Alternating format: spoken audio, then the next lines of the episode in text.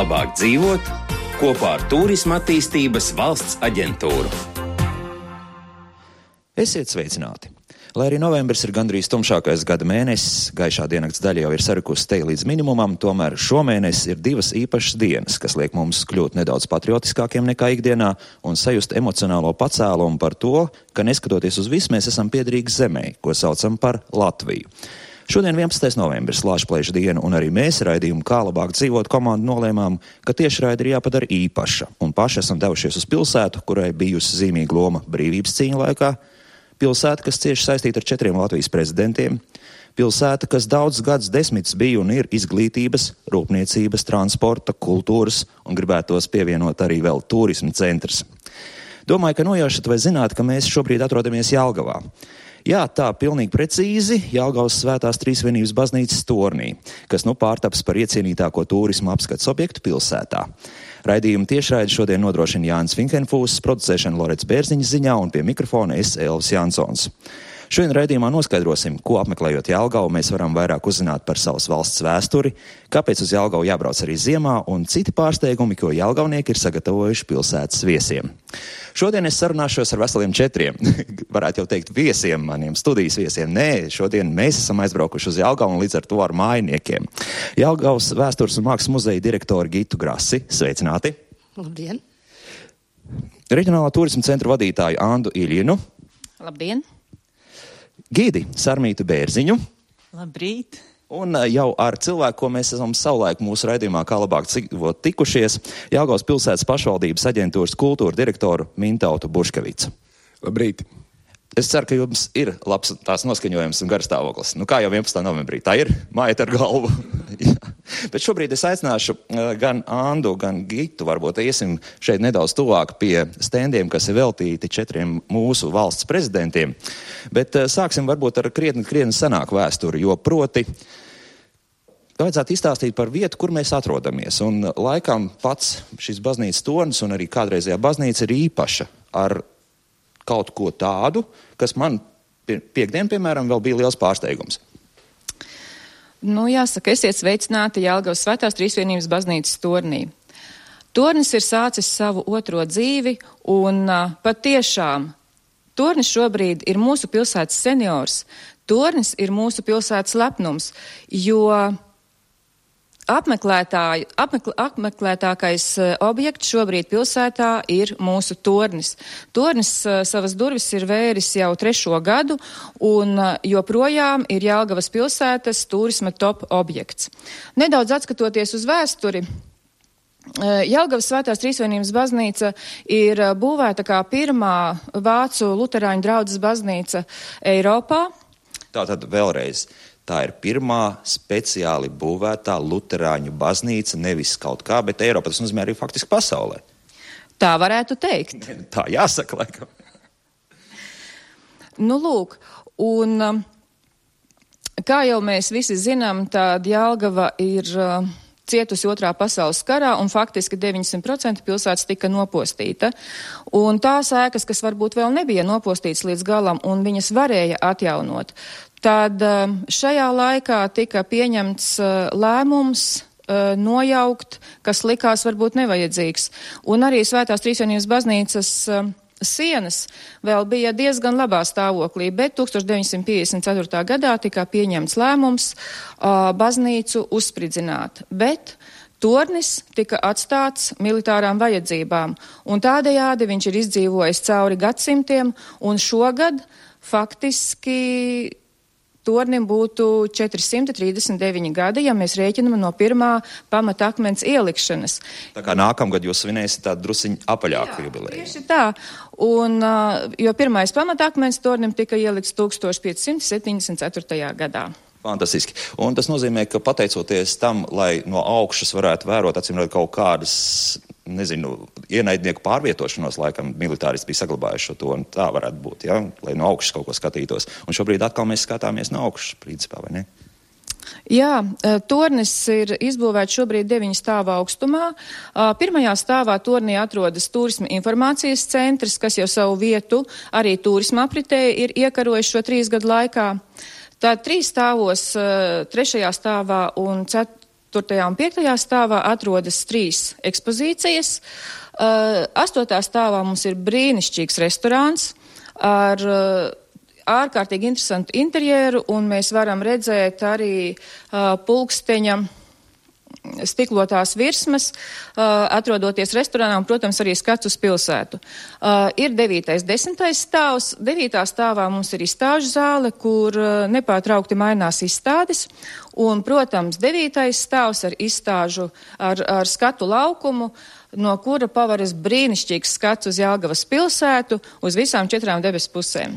Nu, šobrīd, šodien no rīta, laikam, tomēr mīgla mums traucēs un pārāk tālu mēs neredzēsim, bet vienalga, katrā gadījumā pat piebraucot klāt, liekas, ka tornis ir krietni zemāks nekā patiesībā ir, jo uzbraucot pašā augšā. Fantastiskākais skats. Faktiski visi Jālgava un uh, Lielupe un tā tālāk visi ļoti un tālu redzams. Tieši tā, mēs atrodamies skatu laukumā 37 metru augstumā no zemes, un uh, skats ir uh, gan uz jūras pusi, gan uz Rīgas pusi. Rīgas toņus mēs neredzam, bet toties mūsu palieņu pļavās mēs varam saskatīt, kā ganās savvaļas zirgi. Un šobrīd viņi tur jau ir vairāk nekā 40. Tad uzkāpsim vēlāk atkal uz 9. stāvu un paskatīsimies, vai tiešām šodien arī viņi tur ir. Bet, uh, sakiet, es saprotu, ka arī vēstures gaitā un arī gadsimta gaitā nu, ir kāda tāda tā kā sacensība bijusi starp rīdzniekiem un jēlgavniekiem par tiem augstajiem torņiem, kuram tad augstāks un kuram labāk izskatās. Tā ir.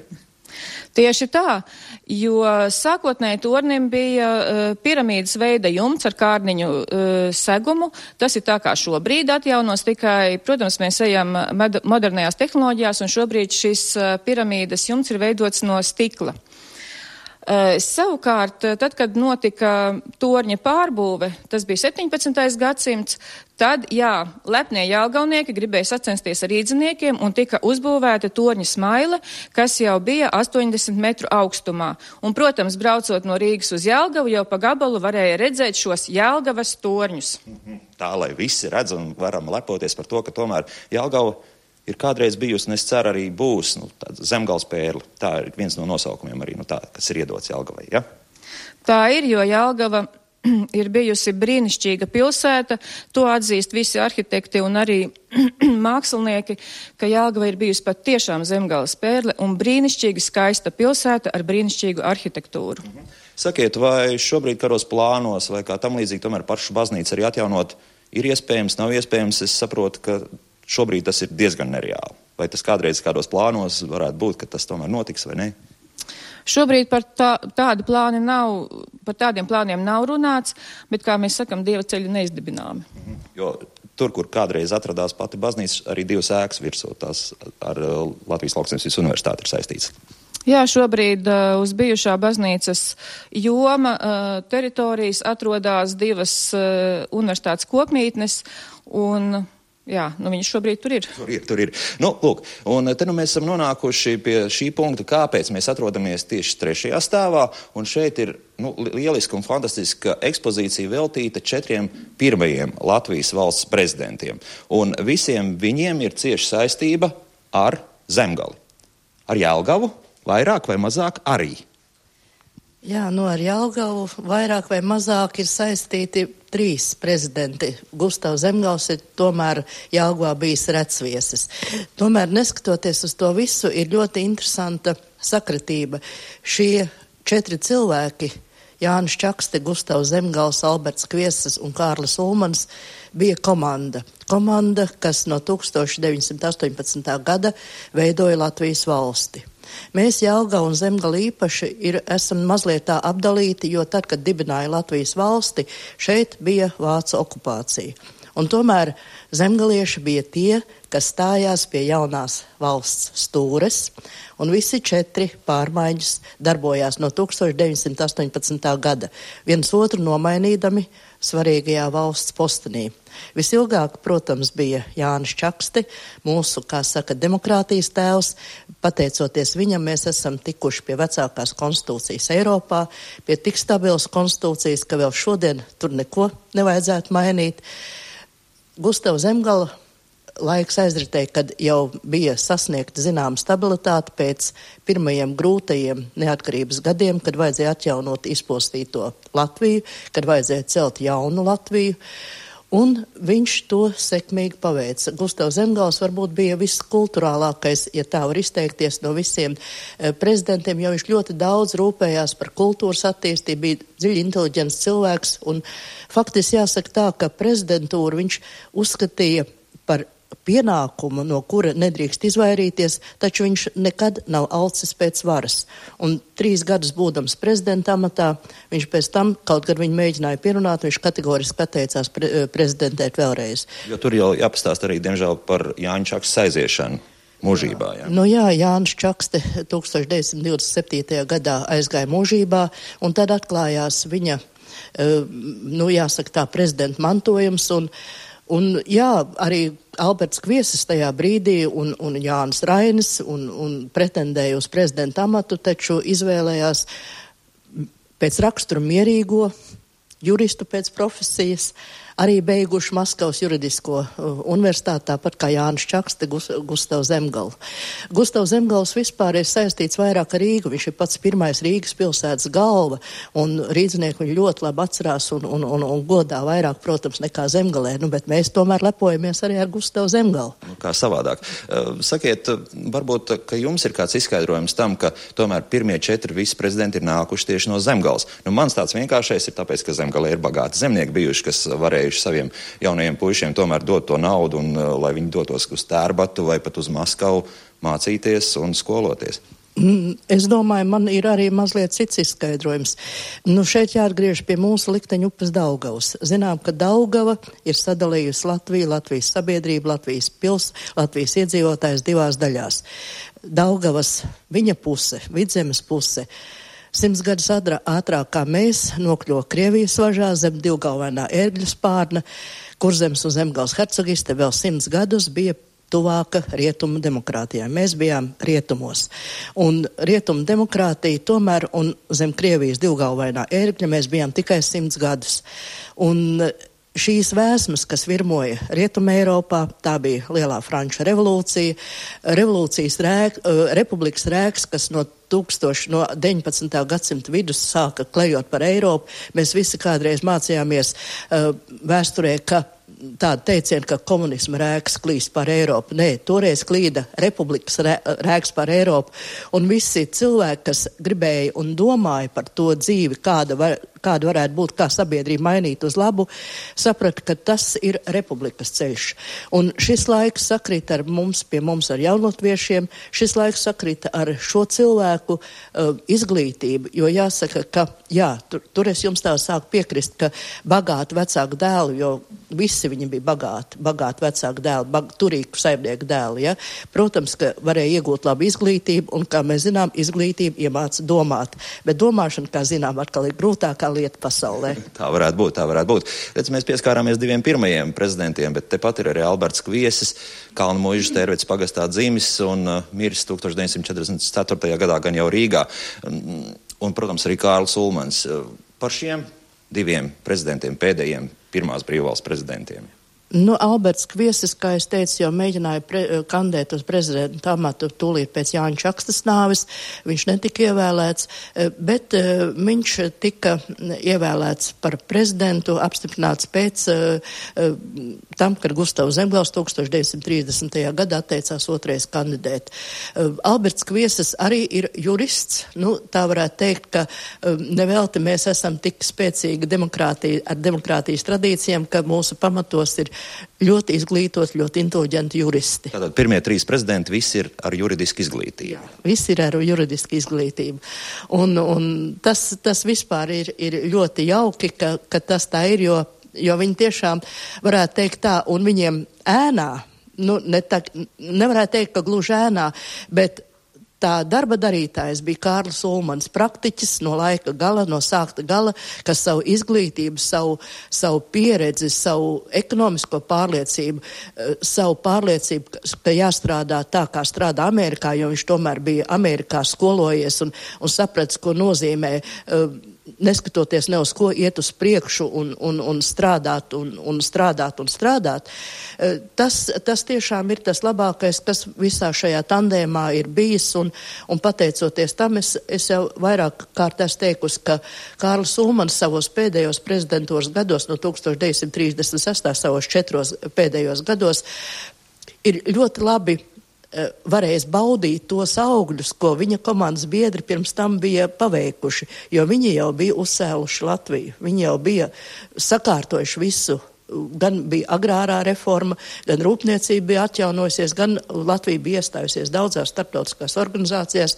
Tā kā Kārlis Ulmans varēja zināmā mērā baudīt augļus, bet ne tikai arī viņš. Uh, to visu izmantoja, lai vēl vairāk stiprinātu Latviju. Un jāsaka, ka Kārlim Ulmanim neviens tik ļoti nerunāja par Latvijas patriotismu, atskaitot Jānis Čaksti, kas arī ļoti daudz runāja par patriotismu, bet arī Ulmans savos prezidentūras pēdējos gados ļoti daudz runāja par patriotismu, par to, ka ir jāaizstāv un jāmīl savu dzimteni. Varbūt brīžam par daudz viņš runāja par patriotismu, varbūt par maz bija pats patriots nu, pēdējos gados. Es jau domāju, ka nav tik traki. Mums laikam jāatgriež pie viena tad ļoti interesanta citāta, kas tepat atrodas pie sienas, un to ir teicis Jānis Čakste. Latvija ir latviešu tēvzeme. Savu Latviju viņš mīl un apdzied. Par savu Latviju viņš lūdz Dievu un atdod savu dzīvību. Laikam tas tomēr tajos laikos bija ļoti būtiski vārdi. Jā, tas bija ļoti būtiski un arī Jāgavai ļoti būtiski, jo es jau teicu, ka 1918. gadā šeit bija Vācu okupācija. Un tūlīt pēc tam šeit ienāca iekšā padomju okupācija, 68 dienas Lat Jāgava uh, bija bolševiku varā. Lielinieki, laikam. Lielinieki, jā, nu tā, tā mēs sakām lielnieku varā. Un te plosījās gan baltais, gan sarkanais terors. Un šeit, šeit bija vēl viena galvaspilsēta. 1919. gada vasarā, kad Vācija jau tā kā likās, ka jau zaudējusi visu ir, jo mm, parakstīts jau mierlīgums bija 1918. gada 11. novembrī, e, tad, tad Vācija nebūtu netaisījās aiziet un, un nebūtu ne posās padoties ar Krievijas monarhisti, un šeit uh, galvaspilsēta, mūsu pilsēta, mūsu Jāgau kļuva galvaspilsēta Bermontam. Ļoti odiozai personai, Latvijas un arī, teiksim, Eiropas vēsturē, un ar mūsu pilsētu viņš saista tiešām eh, daudz lietas, jo viņš pasludināja Jelgavu par savu galvaspilsētu, šeit viņš izdeva savu naudu, šeit viņš jutās ļoti labi un komfortabli. Nu, pils blakus, vai ne? pils blakus, un, un, un viņš vispār uh, uzskatīja, nu, sākotnēji viņš teica, ka viņš tā kā grib iet palīgā Juģeņičam uz, uz Petrogradu, bet tad ļoti ātri mainīja savas domas un saprata, ka viņam ir jāiekaro uh, Rīga, un un, un likās, ka Jāgau, protams, ir tas placdarms, eh, kāds tas bija. Bermonta karaspēks jau bijis eh, pa visu kurzemi, viņam bija ļoti liels karaspēks, un, un 11. novembrī, 11. novembrī viņi virzījās uz Rīgu, un mēs zinām, kā, kā to virzīšanos viņiem sanāca. Protams, ka viņš pēc tam, pēc 11. novembra um, sakāvis. sakāvis, jā, atmuka atpakaļ uz Jālgavu, un domāju, ka šeit viņš varēs noturēties, bet jāsaka tā, ka Nu, Viņš jau arī bija beigās tāds bailulis, kas uh, savu karaspēku pamet un aizlaidās uz lēšiem, projām aizlaidās. Uh, nav īsti zināms, kad viņš to savu uh, karotāju dzīvi beidza, nu, bet Jālgaus ieņemšana Jālgavas ieņemšana 1919. gada 21. novembrī. Tā ir tā jūsu Latvijas diena sanāk. Jā. Mūsu Latvijas diena, jo, jo tajā dienā tika atbrīvot Jālgava un faktiski ar to beidzās arī Bermontiāda. Un tāpēc nevarētu teikt, ka tikai Jālgavas diena, tā ir visas Latvijas diena 21. novembris. Tā, jo tas ir arī interesanti, ka nu, mēs vienmēr uzskatām, un Protams, ka ir šis 11. novembris, ka ir tas lielais pagrieziena punkts, bet no otras puses nu, tas taču ir būtiski, jo tās tomēr ir veselas desmit dienas, tās ir kaujas, tas ir tas vienalga, tas ir karaspēks iet un 40 km tomēr bija jānoiet no Pārdaugavas līdz Jelgavai un vēl tālāk. Jā, un, un, un da, ir, da, ir jau dažas pieturas vietas, kurās iezīmē Bermuda armijas uzbrukums cī, cīņas ap Jālgavu. Tā ir piemiņas vieta pie vareļiem, kur krita studenti. Tā ir piemiņas vieta pie skujas skolas. Tā ir piemiņas vieta pie Dobeles tukuma dzelzceļa. Un tā ir piemiņas vieta Jālgavas meža kapos, kur guļ e, šie te kritušie cīnītāji ar ļoti zīmīgu uzrakstu uz kapa eh, pieminekļa. Mēs kāpām uz sārta un nesām jums brīvību. Jāsaka tā, ka šo te Pirmā pasaules kara brīvības cīņa un Bermontiādas laika piemiņas iemūžināšana arī ir viena ļoti laba tradīcija, kas ir nākus Jelgavā. Mēs esam pirmie Latvijā, kas iesāka šo te brīvības cīņu pieminekļu celšanu Latvijā, jo arī Ložmetēja kalns ir pēc Jāgaunieka iniciatīvas. Ā, to es nezināju arī, jā. Lūk, arī vēl kāds fakts. Jā, mēs eh, šodien tomēr esam ar tādu turismu ievirs zīmi. Sakiet, cik populāri tomēr ir šie maršruti un arī interesi tieši par to pašu 19. gadu un ne tikai? Arī šeit pie jums kā atnāk, kur tad tā no tām zālēm tā būs tā populārākā? Tur mēs vairāk jau sarmīt runāsim, jā? Ja? Jā, kāpēc gan ne? Varbūt varat jau, jau nāk klāt, bet mēs to acīm redzot darīsim uzreiz pēc mūzikas, bet tomēr trijos vārdos tādu ievadu nākamajai pusstundai. Kas tad ir tie populārākie maršruti?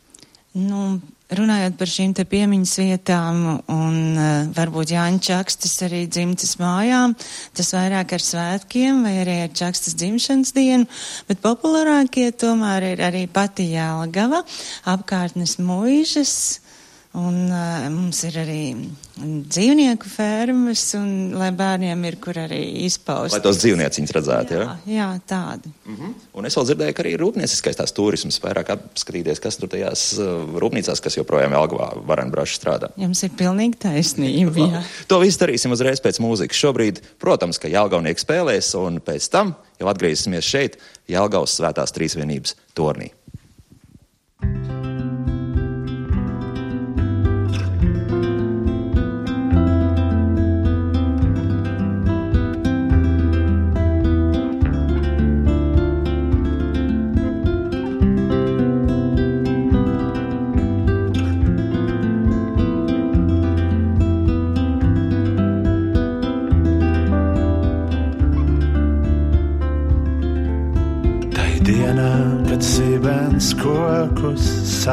šķelt pa vienam vien, tāpat vien. Es atgriezīšos te mazliet.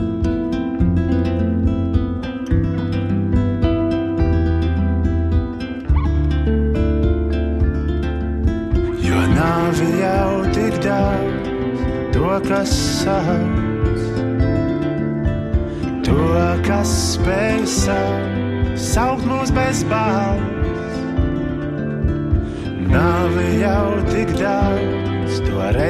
kad sauc, kad sauc kāds bez balss, tik dziļi, kas sauc.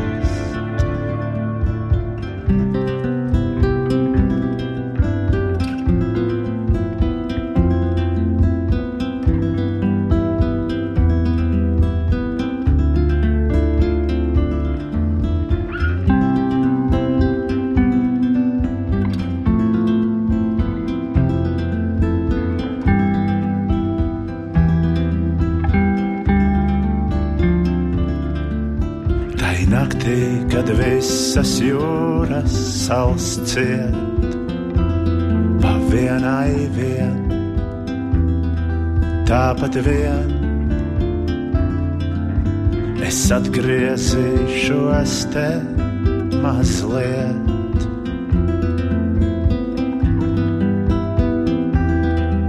Tāpat vien,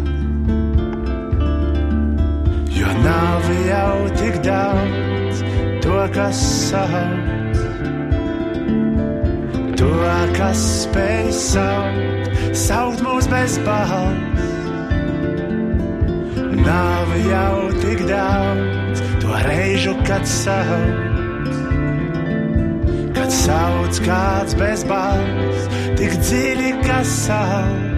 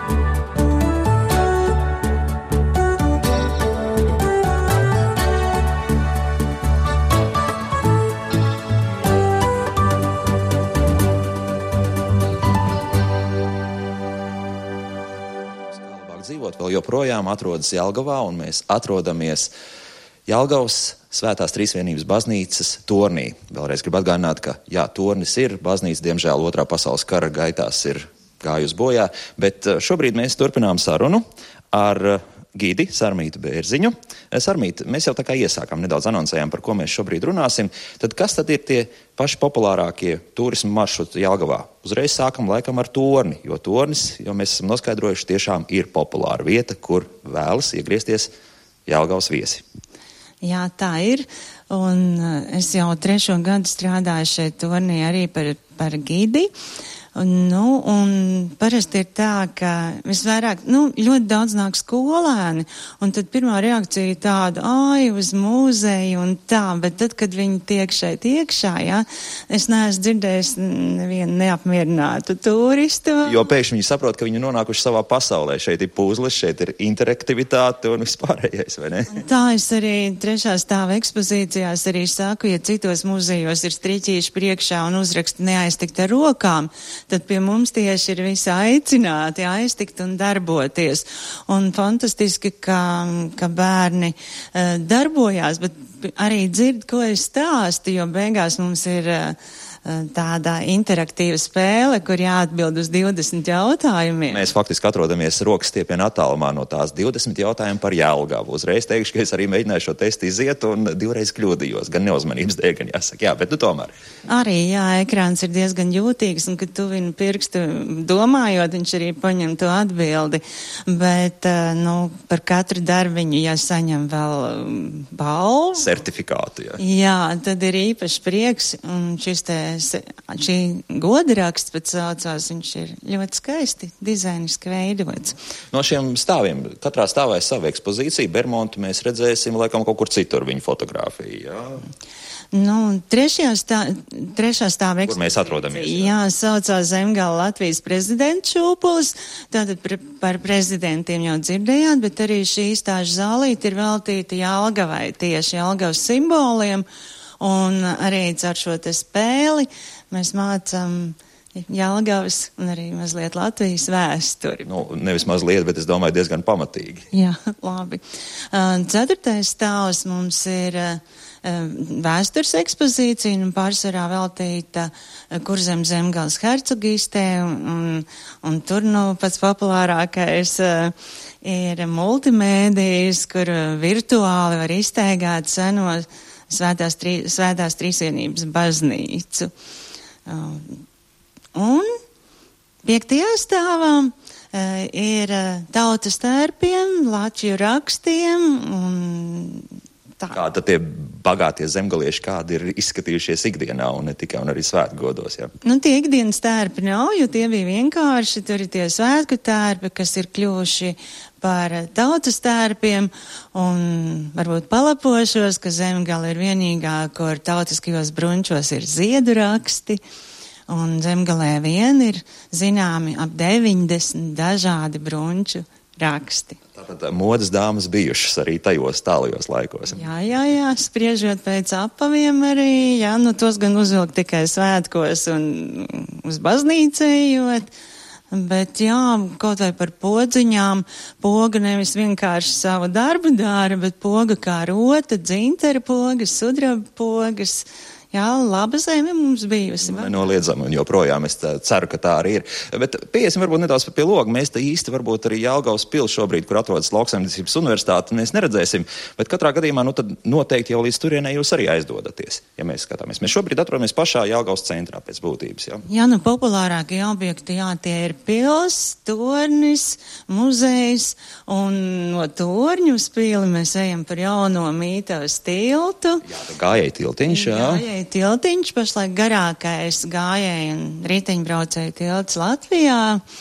Un tikko noslēdzās balsošana par skaistākajiem tiltiem, un mūsu mītavas tilts ieguva otro vietu. Mm -hmm. Un es saprotu, ka vispār kopumā tā saliņa, uz kuriem tilts arī ved, tuvākā laikā, nu, tuvākā gada un divu gadu laikā kļūs par vienu no tādu ļoti populāru, es ceru, un arī ļoti interesantu izklaides vietu. Jā, mēs arī tā ceram. Jā. Tur būs gan bērniem, gan pieaugušiem, ko darīt. Jā, gan aktīvā atpūta, gan arī koncerta zāle brīvdabas. Un, nu, man patīk, ka sola apkārt pa perimetru gājēju un riteņbraucēju celiņu, un, protams, būs arī otra peldvieta, jo ilglaik Latvija, Jelgava kaut gan atrodas Lielupas krastos un Jāgavai nebija savas peldu vietas, tad tagad mums viena ir un arī pretī būs otra vēl.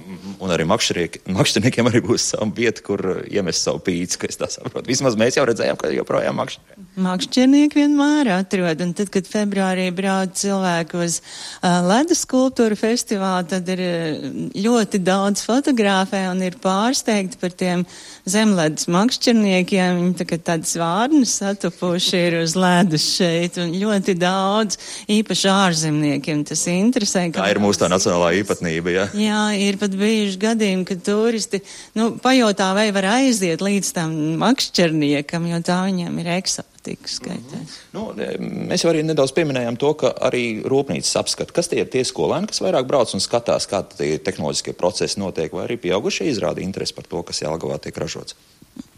Viss izrāda interesi, kas tiek ražots, jo tas jau vien ir labi, ka Jelgavā tiek ražots. Uh, nu, par tādiem populārākiem objektiem es nosauktu keramiku, Latvijas keramiku. Nu, tur uh, viss ar, ar, ar roku darbs, un tur interesanti un ļoti atraktīva gīda tur arī strādā. Gan jau var arī paši nedaudz kaut ko, kādu ornamentu pamēģināt vismaz, jā, uzlikt. Jā, ja ir vēlme, tad to arī var iekļaut ekskursijā, bet, nu, tagad. Uh, Timrotkungs ir izreklamējis ļoti mm, bijušo mikroautobusu Latviju rūpnīcu Rāfu, jo tur atrodas Andra Dāmbja rafiņu kolekcija. kolekcija. Un tas pēdējā laikā arī ļoti liela interesi izraisa. Un uh, varbūt ar to, ka arī nav tāda sterila vide, tā kā, nu, motoru muzejā vai kur, bet ka tur ir tāda īpaša, jo um, rafiņi ir ievietoti pamestajās telpās bijušajā administrācijas ēkā, kas ir sakopta nu, no ārpus iekšā īsti nezinām vēl, ko darīt. Nu, bet palēnām es jau tur arī esmu bijis. Es zinu, ka tomēr telpas tiek lēnāk aizņemtas un ražotnes parādās, un tas jau arī priecē. Jā, tas notiek iekšā RAF korpusos. Tur ir nu, gandrīz pie 20 dažādu uzņēmumu darbojās. Tā, nedaudz tālāk no Jālgavas, ja mēs skatāmies, nu, to, pašt, mēs redzam visus četrus prezidentus, vai arī vai ir brauc arī ekskursijas uz, uz, uz mājām un uh, varbūt arī tādas īpašās piemiņas vietas, kas izraisa interesi un kuras vajadzētu arī apskatīt, varbūt arī katram latvietim. Kā jau teicu, kad Jāņa Čakstas dzimtas mājas auči. Tur uh, lielāka interese ir septembrī, kad Jānim Čakstam ir dzimšanas diena, un tieši uz valsts svētkiem. Tad ir tāda, tāda īpaša grupa. Tad šobrīd arī, jā, kā, arī, kāda grupa jau noteikti aizbrauks. Jā. jā. Un pagājušajā gadā arī bija, kad cilvēki brauca 18. novembrī arī no aučiem, pēc tam brauca pie mums uz torni. Tā, un tad ir, protams, arī Kārļa Ulmaņa mājas, pikšas, kur vairāk tāda lauksaimniecības tāda. Un te jau, nu, tomēr kaut kādu kilometru sanāk no Jelgavas, bet vienalga, tas, tas maršruts tāds varētu būt. Jā. Jā, tas maršruts jau ir pārbaudīts, un, ja nu liekas kādam pa, pa ilgumu, pa garu, tad, protams, Jelgavā var apstāties un uh, nobaudīt Jelgavas īpašos ēdienus, ar ko mēs arī lepojamies, un tie nav vienkārši tā no zila gaisa izdomāti, bet hercoga būra, tas ir par godu hercogam Jēkabam, kurš attīstīja Latvijā, nu, kurzemes hercogistē kuģu būvi un Šarlotas skūpsts, kas ir deserts, tas ir Šarlota Luīza, bija hercoga Jēkabas sieva. Bet uh, es mazliet piemirstu par to, runājot arī ceturtā stāva ekspozīcijā mēs varam uzzināt to, nu, jā, ka Jelgavā daudz kas noticis pirmoreiz Latvijas mērogā, kā jau pieminēja, ka šī pirmā luterāņu baznīca. Tas ir pasaules mērogā pat. Jā, piedodiet. uh, bet uh, pirmās avīzes ir iespiestas latviešu valodā Jelgavā. uh, pirmā, nu, akadēmija Patrīna skaitās kā pirmā akadēmiskās izglītības Iestāde, jā. no, ja, augstskola gandrīz tiem laikiem. Jelgavā pirmais gaisa balons ir pacēlies Jelgavā. Kā izrādās. Jā, un pat kartupeļi pirmo reizi ir pasniegti Hercoga Jēkaba galmā.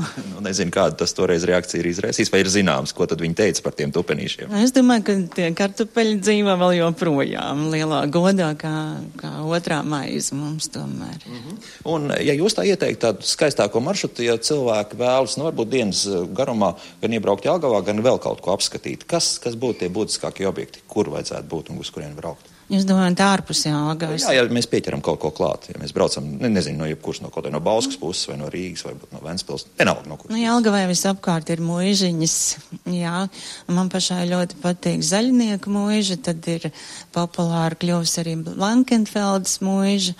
Um, cilvēki braucot uz zaļniekiem, labprāt iebrauc arī kokaudzētavā, uh, apskatīties. Saka, varbūt kādu kociņu vēl paķert, ja? Um, Nu, arī man ir bijis tā, vedu kārtējo reizi ekskursants, nē, es neko nepirkšu, un viss, nu kā tad tu nepirks? Nu, protams, kad iekrīt acīs kāds augs, kas ir jānopērk, un tā, tā, tā visi. Un tad autobuss ir pilns ar dažādiem zaļumiem.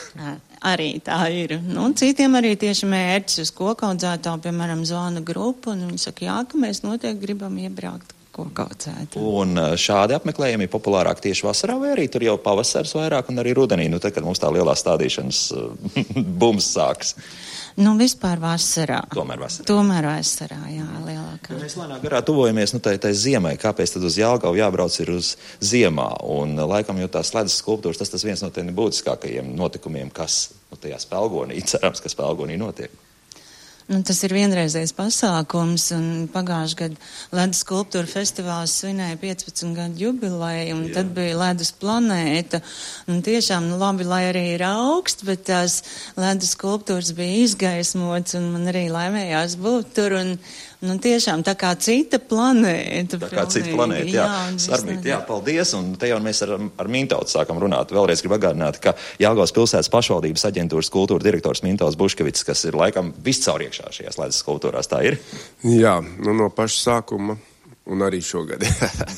Kā par šiem 15 gadiem tas nu, faktiski festivāls ir mainījies? Vai ir kaut kādas ļoti stacionāras un stabilas lietas, ko cilvēks atnākot, viņš ieraudzīs, bet nu, tomēr laikam attīstība šā vai tā ir?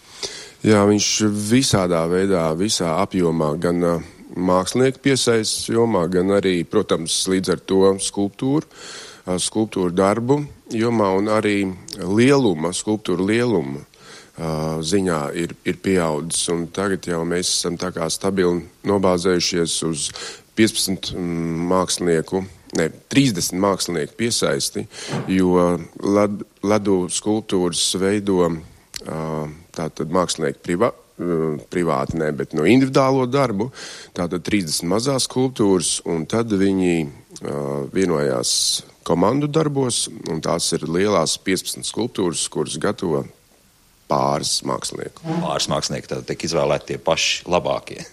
Paši labākie, jo ir jau tagad, protams, izsludināts konkurss uz ledus skulptūru darbiem, un mākslinieki sūta skices, jau pirmie mākslinieki ir atsūtījuši, tad mēs izvērtējam, mēs um, skatāmies gan viņu iesniegtos uh, atbilstoši tēmai, un šogad mums ir brīnumzeme. zeme darbus, darbu skices, un mēs arī izvērtējam, ja nepazīstam mākslinieki, viņu iepriekšējo gadu sniegumu.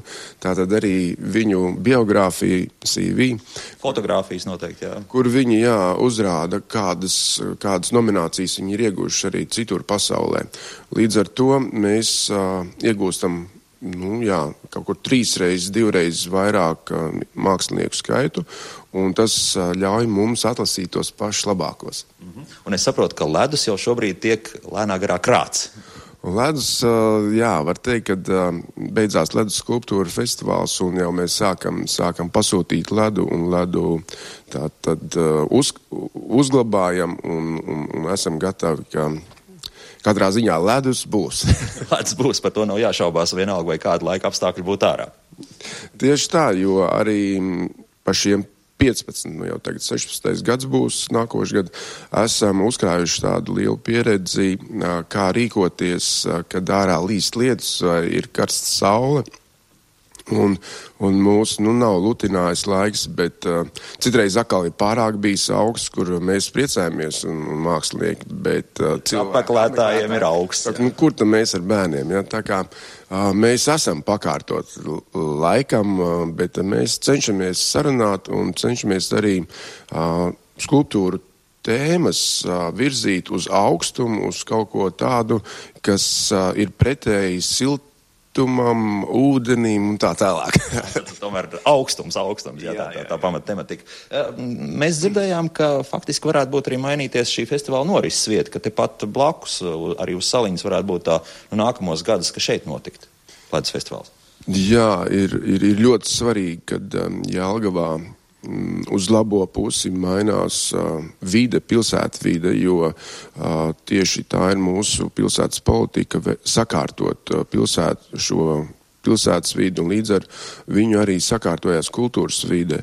Un pastas sāla ir ļoti nu, tāda labs, labs uh, piemērs vai laba vieta, uh, kur mēs varam pilsētniekus aicināt uz aktīvu atpūtu, jo tur mēs esam iecerējuši pārcelt jau no 15. gada gan ledus skulptūru festivālu, gan smilšu skulptūru festivālu. Mēs esam iedomājuši arī tur būs aktīvās um, tādas sporta, sporta aktivitātes vispriekš jāgalniekiem un, protams, arī priekš viesiem, jo uh, viņš arī varētu veidoties, pasauli varētu veidoties kā arī skulptūru parks, kurā mēs redzētu skulptūras arī gan akmenī, gan, gan metālā. Jā, vieta pateicīga un uh, fantastiski, to vajag noteikti izmantot. Vai tas jau būs jau nākamgad, 2014. gada, kad uh, mums ir Latvijas festivāls, Latvijas kultūra festivāls? Nākošais gads mēs izgaidām 7., 8., 9. februārī. 7., 8., 9. februāris. Jā, bet um, pasalā mēs aicināsim 15. gadā. Tātad vēl vienu gadu būs jāpaciešas un vecajā vietā. Uh, tad vēl nedaudz par to, kas tuvākajās dienās faktiski notiks uh, Lašplēša dienai veltītie pasākumi. Jā, Jelgava, kā mēs arī pašā sākumā dzirdējām, ir bagāta ar valsts svētku pasākumiem, tādā ziņā, ka, ja Latvijā tās ir divas dienas, tad Jelgavā tās trīs dienas. Un 11. šodien ir lāpu gājiens cauri Jelgavas pilsētai uz pieminiektu Jelgavas atbrīvotājiem tātad pie Lāčplēša, un 17.40 tur būs svinīgais brīdis. Savukārt vakarā 19. kultūras namā mēs izrādīsim filmu Atmodas antoloģija. Savukārt 18. novembrī valsts svēks mēs ies, iesāksim pulkstens 12. ar ekumenisko dievkalpojumu Svētās Annas baznīcas, Svētajā Annas baznīcā, un vēlāk 16.45. mēs aicināsim ziedus nolikt pie Latvijas pirmā prezidenta Jāņa Čakstas. Tepat, tepat, tepat, tepat pie torņa. Jā. Un jau, jau mm, pēc 15 minūtēm mēs aicinām visus vērot Hercoga Jēkab laukumā pilsētas skolu jaunatnes veidotās svecīšu kompozīcijas. Tā ir tāda ļoti skaista tradīcija, ko mēs esam, esam iesākuši jau, nu, man liekas, kādu desmit vai septīto gadu, kur katra skola veido savu secīšu kompozīciju. Mēs, protams, arī aicinām jālgauniekus un jālgaus uzņēmējus novietot secītas uz lielās ielas, kas arī ļoti sena mūsu jālgaus pilsētas tradīcija. Tātad galvenajā ielā nolikt gar, gar ietvēm Tā kā tas bija pirmās brīvvalsts laikā, un tas esot skaisti izskatīt. Jā, un no 17. līdz 21. ir koncerts Hercoga Jēkava laukumā. Un 17.30 ir koncerts kultūras namā, kur mēs aicinām uz Jāgaus kameru orķestru un Jāgaus uh, vidus, mūzikas vidusskolas orķestra koncertu. Un skaistākais, kulminējošais ir pulkstenis 20.00 no pastas salas svētku uguņošana. Tā kā, ja esat šobrīd arī Jālgavā šajās dienās, tad, tad noteikti nepalaidiet arī šos visus pasākumus garām. Un 21. 21. novembris uh, Meža kapos Jālgavas atbrīvotēm pret uh, tātad cīņās pret Bermontu karaspēku. Pūkstens 16. meža kapos. Mm -hmm. Anda, un varbūt pavisam īsi vēl par tiem pasākumiem, ar ko jūs tuvākajā laikā pārsteigsiet savus viesus. No Jelgava gaida viesus katru dienu un katru mīļu stundu, jo mums ir brīnišķīgi gidi, kas vada ļoti jaukas ekskursijas, kā jūs dzirdējāt. Uh, mums ir brīnišķīgais tornis, kur jābrauc paskatīties jau un izbaudīt mūsu interaktīvās ekspozīcijas, un jābrauc noteikti paskatīties arī ir mūsu savvaļas zirgi, kas ganās mūsu palieņu pļavās. Un, protams, mūsu ražotnes, kas gaida apmeklētājus, lai parādītu, kas tad Jelgavā notiek. Tā kā gaidam Jelgavā visus laipni un uz svētku pasākumiem, kā jau dzirdējāt, tā tad visi koncerti un citi pasākumi ir Jelgavas uh, viesiem veltīti. Jā, un viss caur gadu. Anda, paldies! Uh, un saku lielu paldies visiem mūsu raidījuma dalībniekiem, gan Reģionāla turisma centra vadītājai Andai Iļģinai, Jelgavas vēstures un mākslas muzeja direktorai Gitai Grasei. Paldies arī Gidējas Armītai Bērziņai un Jelgavas pilsētas pašvaldības aģentūras kultūra direktoram Mintautam Buškvicam. Loreta Bērziņa raidījuma producente Esēls Jansons atvados līdz rītam. Atā!